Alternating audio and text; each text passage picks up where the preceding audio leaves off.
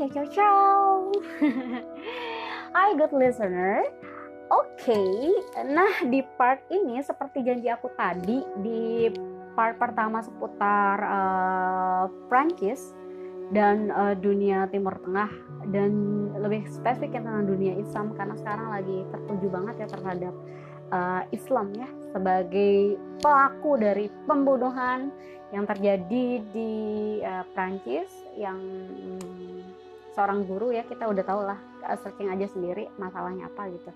Nah aku sebenarnya melihatnya nih aku nih ya ini tanggapan aku sih melihatnya seperti ada ada um, ada missing link yang terjadi di sana antara kebebasan berekspresi dengan kebebasan ekspresi yang uh, Prancis punya dengan eh, hal-hal uh, prinsip yang ada di dalam dunia Islam. Dan uh, ini kayak sekedar info kalau di Islam itu tidak ada namanya yang bebas sebebas bebasnya gitu. Jadi bebasnya itu ada kurikulum juga. Jadi enggak jadi kalau misalnya bebasnya itu ya nggak bisa nabrak banget juga gitu. Tapi bebasnya itu ada limit ada limit ada ada hal-hal yang yang ada hal-hal yang yang harus direm gitu. Kayak misalnya ya misalnya kayak misalnya protes terhadap uh, kesetaraan.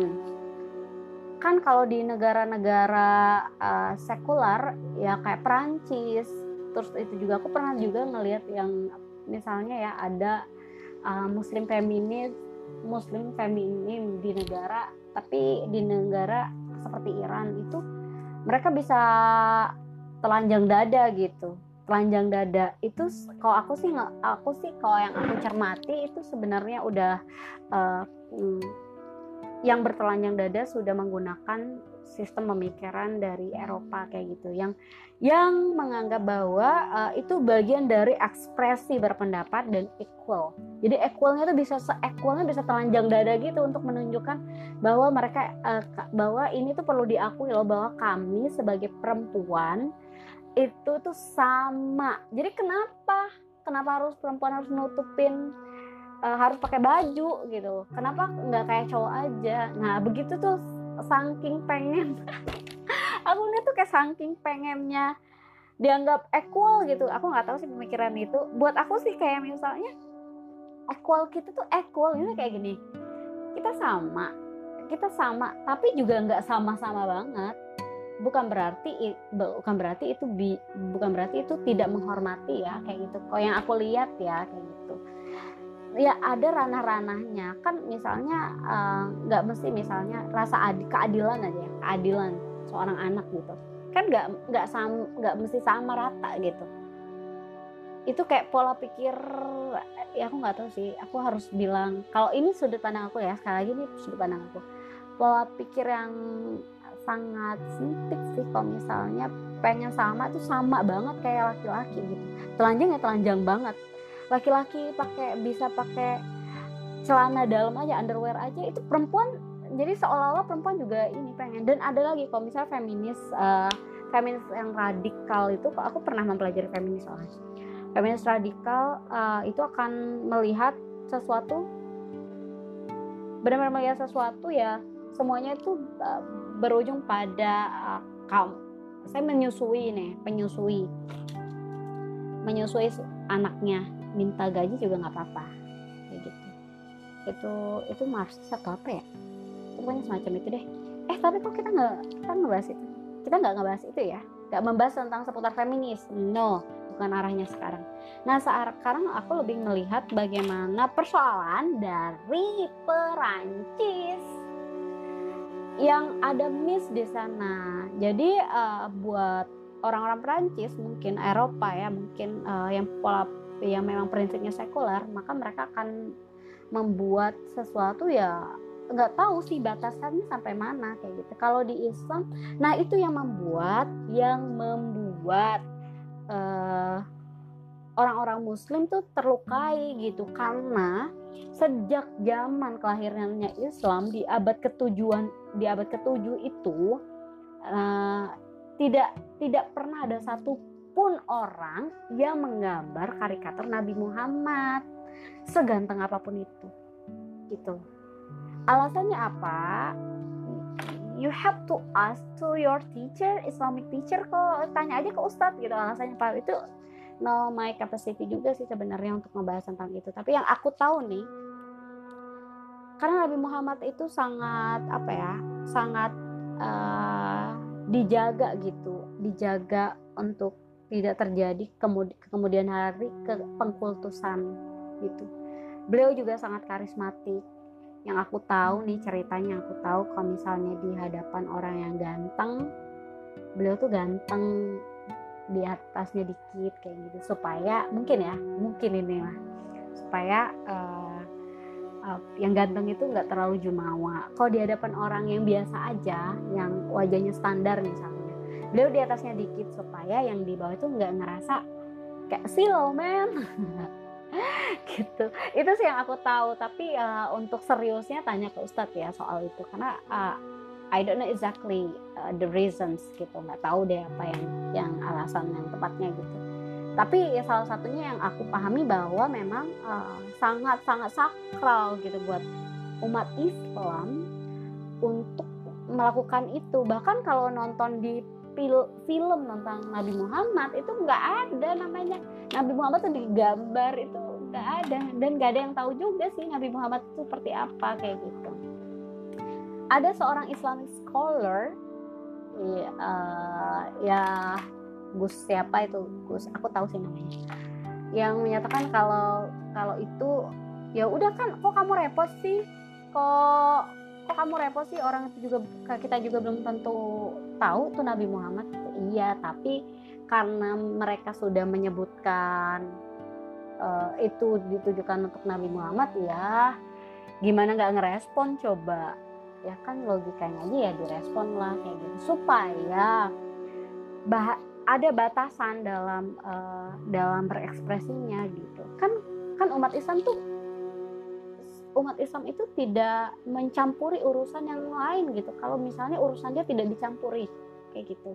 Dan dan umat Islam mencampuri karena memang uh, itu bagian dari prinsipnya yang uh, yang apa ya prinsip prinsip yang itu tuh di dicoba diterobos sama orang di luar itu dan dan asnya banget itu tidak terjadi dialog kan itu udah pernah terjadi kan? Sebelumnya tuh udah pernah terjadi. Sebelumnya udah pernah dibahas tuh. Uh, dulu tuh pernah terjadi kayak gitu juga karikatur. Ah sekarang berulang lagi. Udah makan korban juga. Sekarang berulang lagi. Dunia Islam melalui boykot sebenarnya itu kayak ekspresi juga. Ekspresi bahwa kami menolak. Seperti itu. Dan we hope kayak ada we hope-nya gitu loh sebagai we hope-nya itu kayak uh, presiden dari Prancis mendengarkan keluhan itu gitu. Keluhan itu kalau tidak mau terjadi hal-hal yang chaos kayak gitu. Dan akhirnya apa? Akhirnya muncul lagi permasalahan baru. Muncul lagi uh, ya kalau bilang Islamic movement yang itu disinyalir ISIS walaupun ISIS itu dari sur ISIS itu yang base campnya di Suriah itu sudah uh, udah kolaps ya. Tapi namanya ideologi mah susah untuk kolaps kalau udah kalau udah mengakar di anak pinak itu anak pinak seseorang itu akan akan sangat sulit itu untuk untuk kolaps gitu untuk hilang kayak gitu. Nah ada aja orang-orang yang uh, rigid beragama uh, melakukan seperti itu dan apakah itu terus bagaimana tanggapan seorang Milia gitu ngeliat itu? Ya jangan dong. Akhirnya tuh akhirnya tuh jadi uh, dampaknya sangat sangat sangat sangat luar biasa ya ketika ketika orang melihat uh, Islam itu sangat sangat gak nggak bisa diajak uh, bicara kayak gitu langsung aja bunuh gorok bayangin gorok ya. Ingat aja kayak gorok sapi gitu kan begitu banget kan. Itu tuh bukan hal yang diajarkan Rasulullah gitu kan. Rasulullah tuh sangat orang tuh bisa kenal Islam dari attitude akhlak gitu. Dan aku juga kayak aku kayak jadi flashback lagi ya ketika aku di di Roma di Vatikan ketika itu Roma ya orang itu aku jadi aku agak kesulitan gitu ketika aku orang melihat orang mau tanya tentang Islam mana negara yang bisa menjadi contoh gitu. Contoh kedamaian Islam. Islam itu kan damai Islam itu peaceful. Islam aslama yuslimu islaman coba artinya apa? Gitu berserah diri damai cinta kasih gitu. Tapi tapi naasnya nggak ada satu negara pun ya per hari ini ya. Yang menunjukkan dari kualitas Islam gitu. Kan buat buat buat aku yang buat aku yang ketika itu di Roma juga itu jadi PR banget. Itu berasa loh PR-nya gitu. Uh, menyampaikan Islam aku udah keluar-keluar nih Islam kayak gini-gini gitu. tapi gak ada yang bisa jadi contoh gitu. karena yang ditunjukkan adalah kekerasannya bukan rahmatan alaminya ya bukan attitude-nya kayak gitu uh, yang ditunjukkan adalah iya keras. Gini keras itu kan nggak mesti harus pakai uh, violence ya kayak nggak harus pakai begitu gitu. Tapi misalnya kita memberikan argumentasi face to face gitu duduk bareng dialog duduk bareng dialog. Kita bahas tentang masalah apa sih yang lo kritik dari gue gitu ya. Apa yang kamu kritik dari Islam ya gondok-gondokan gondok-gondokan aja di situ. Kalau persoalan teologi ya karena memang kan di Islam juga agak rigid ya soal-soal itu gitu. Soal imanen soal imanen. Hal-hal prinsip itu kan memang memang di Islam itu sudah ada form-formnya lah istilahnya kayak gitu. Kayak gitu. Aku aku juga ngalamin maksudnya ngalamin yang teman-teman dari non muslim mengkritik Islam dan, dan aku mau welcome aja teh. Aku mau welcome aja gitu. Uh, tapi gini mereka mengkritik tapi mengkritik di hadapan aku dan aku menjelaskan. Kan enak kan kalau menjelaskan. Ternyata bukan karena mereka kadang-kadang bukan karena mereka yang sengaja pengen menyerang atau gimana gitu tapi karena mereka yang tidak paham atau angle-nya ketika memahami Islam salah. Itu tuh tugas dakwah di sana tugas menyampaikan tuh di sana kayak gitu. Jadi bukan sekadar dakwah tapi itu dakwahnya dari dari mimbar yang mana gitu dakwahnya secara jauh dan orang tuh butuh butuh approach touch gitu untuk bisa memahami lebih dalam terkait dengan Islam.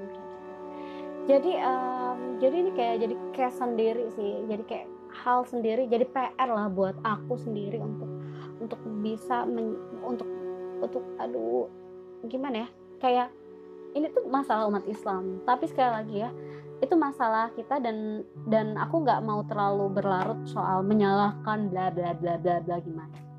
Karena itu tuh kalau kita kayak mengkuar-kuarkan menyalahkan gitu itu kayak apalagi di media sosial ya emang dampaknya apa? Gak ada dampak sih kalau aku ngeliat adanya juga kemarahan lagi dari saudara-saudara muslim. Tapi yang jelas tugas kita untuk bisa memberikan pemahaman juga ke saudara-saudara kita yang muslim untuk uh, untuk bisa bersikap lemah lembut lebih lemah lembut lah kayak gitu. Tetap diperinci tapi kita juga harus belajar berretorika gitu. Gitu. Nah, non muslim itu atau presiden atau Eropa tuh butuh itu karena memang jadi gini, media pada saat ini itu uh, terframing bahwa Islam itu seperti ini, apalagi setelah kejadian WTC ya. Sebelumnya juga kok digaris bawahi ditarik lebih lanjut dari dari abad sekitar abad pertengahan, zaman skolastik dari zaman zaman skolastik ya? Abad dari uh, tahun 1059 dalam dalam perang salib itu kan itu kan uh, antara Saljuk sama tentara salib di situ kan ada ada ada apa ya uh, mulai ada uh, mulai ada cara pan, pandang yang baru terkait Islam gitu karena pada saat itu kekuasaannya ada di dinasti Islam dinasti Fatimiyah dan sebelumnya gitu kan jadi uh, ada frame-frame yang sudah terbangun dari abad ke sana dan itu tuh kayak masih terus hingga saat ini. Nah, kita butuh memang butuh dialog, butuh penyelesaian secara lembut sebenarnya untuk untuk menyampaikan untuk menjelaskan bahwa Islam tuh tidak seperti ini. Nah, yang disayangkan adalah nah sebenarnya ini butuh banget stakeholders sih, stakeholders untuk duduk. Inilah gunanya para ulama para Islamic scholars. Bukan Islamic scholars uh, nyumput aja ya nyumput. Apa tuh bahasanya? Sembunyi di masjid di mimbar-mimbar. Enggak ini udah saatnya. Islamic leaders come to uh, on the stage duduk bareng sit together untuk untuk membahas tentang uh, untuk sit leader per leader ya face to face gitu untuk untuk bilang gitu untuk menjelaskan. Dan menjelaskan persoalannya itu seperti ini untuk di Islam tuh karikatur itu tuh udah tahap yang sangat penting gitu. Itu masuk ke dalam ranah yang privat banget prinsip lah bisa dikatakan itu. Dan itu kenapa kenapa terjadi efek domino kayak boykot gitu kayak gitu. Nah persoalan boykot juga misalnya. Boykot. Ya kan ada yang memperkenalkan soal boykot. Kenapa dipermasalahin sebenarnya? Itu kan kayak respon sih sebenarnya. Dan itu hak juga. Hak juga kayak gitu. Kayak misalnya uh, uh, Presiden Macron menyampaikan uh, menyampaikan pendapatnya terkait uh, karikatur. Itu haknya dia juga kayak gitu. Tapi ketika hak itu uh, merugikan karena ini bukan masalah ekonomi ya. Kalau ini mereka masalahnya ekonomi. Ini masalah prinsip. Prinsip itu lebih mendasar daripada ekonomi gitu. Prinsip itu bisa lebih nyakitin loh ketika misalnya itu diganggu gugat ketimbang ekonomi kayak gitu. Nah kalau itu kan kalau Presiden Macron kan terkait ekonomi aja kan yang dia soroti kayak gitu. Kalau ini tuh terkait prinsip makanya sampai boykot worldwide gitu sampai ke Indonesia juga kan. Mulai ke negara Asia kayak gitu nah uh, ya ya sebagai negara Islam Muslim kalau aku ngelihatnya sih ya sah sah aja gitu. Itu bentuk dari respon loh. Bentuk dari respon. Kalau nggak digituin emang bisa emang mereka menanggapi? Enggak kan. Kalau nggak kalau nggak ada sebuah apa ya sebuah ultimatum juga lah istilahnya karena nggak nggak ada uh, Islamic leaders mana yang yang sekarang punya pengaruh yang kuat kayak gitu. Makanya makanya uh, muncul dari grassroots gitu dari bawah uh, kayak bottom up gitu kayak langsung naik ke atas gitu. Supaya itu kayak notice loh itu tuh kayak notice loh itu tuh protes global sebenarnya kayak gitu. Dan uh, dan akhirnya kalau misalnya pro, itu protes global ya dan akhirnya uh, semoga itu ditanggapi maksudnya itu jadi ultimatum. Nah tapi yang terjadi adalah kayak perang lagi. Kok gue jadi presidennya nih ya? Dan kok gue jadi ulama nih ya? Gue datengin dah itu presiden. Atau presidennya itu ya presidennya bijak gitu. Ngelihatnya tuh bukan ngelihatnya tuh ya uh, bukan sekadar ini kebebasan berekspresi kayak gitu. Ditanya itu kenapa sampai semarah itu gitu. Dan itu menyangkut urusan pribadinya iya. Tapi urusan negaranya iya. Urusan negaranya. Tapi ya ya ada limitation dong. Ada limit-limit yang itu tuh berekspresi tapi jangan mengganggu orang lain juga gitu. Jadi terserah lu sih sebenarnya. Kayak terserah lu lu tuh mau berekspresi kayak gimana terserah lu. Tapi jangan sampai mas memasuki ranah yang privat. Orang jadi tersinggung. Kayak misalnya orang orang tuh berekspresi mau ngomongin tentang orang tua gitu. Tapi ngomongin orang tuanya gue ya siapa yang nggak marah? Gila loh gitu kan. Jadi gitu sih sebenarnya. Jadi uh, ada gap uh, yang aku lihat adalah ada ada apa ya ada gap di sana kayak gitu yang tidak terkomunikasikan kayak gitu. Dan harusnya sebagai presiden presiden ya harus bisa mendamaikan sih ini situasinya udah udah udah kacau banget sih sebenarnya. Harus bisa mendamaikan. Kalau enggak nanti dicomot sama ISIS. Akhirnya nanti juga efeknya kacau lagi ke Islam lagi kan sebenarnya efeknya juga. ISIS nih ya ampun deh. Uh, efeknya kan ke Islam lagi. Yang jelek siapa Islam?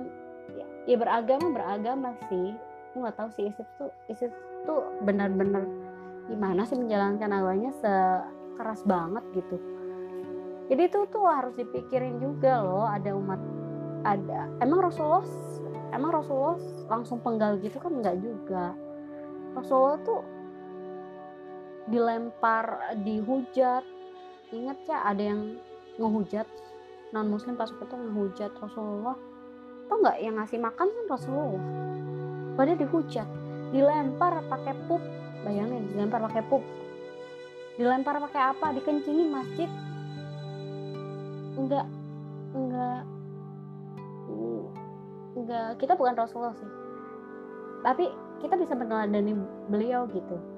Uh, beliau enggak enggak emosional ketika ini.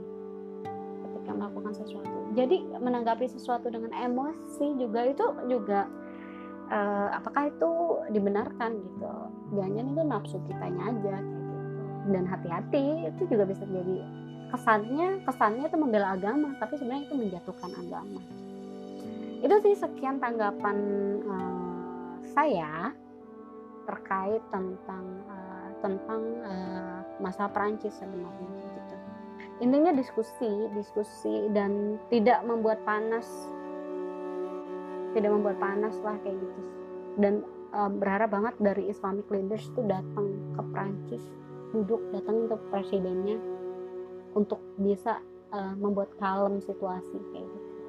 Atau presidennya karena presidennya juga masih muda sih ya, jadi jadi susah juga sih kalau ego yang kalau ego yang lebih didahulukan atas nama kebebasan berekspresi ya harus dipahami aku nggak tahu ya kebebasan berekspresinya sekuler itu sejauh apa tapi kalau buat orang-orang bijak kalau uh, itu di kalau itu sampai menerobos ke ke hal-hal krusial prinsip ya itu juga harus dipahami.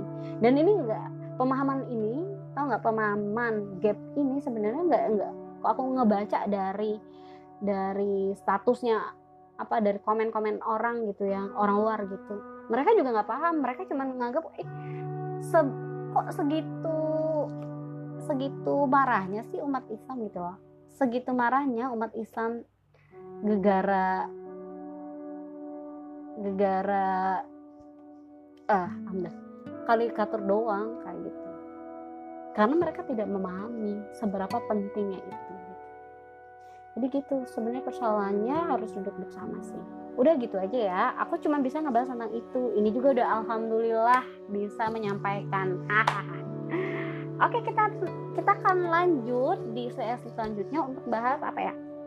Aku sekarang lagi nulis sih sebenarnya lagi nulis uh, lagi nulis moderasi Muslim Christian khususnya Katolik tapi belum kelar-kelar hingga saat ini. Jadi belum kelar-kelar. Kita biasanya aku akan lanjut nulis lagi.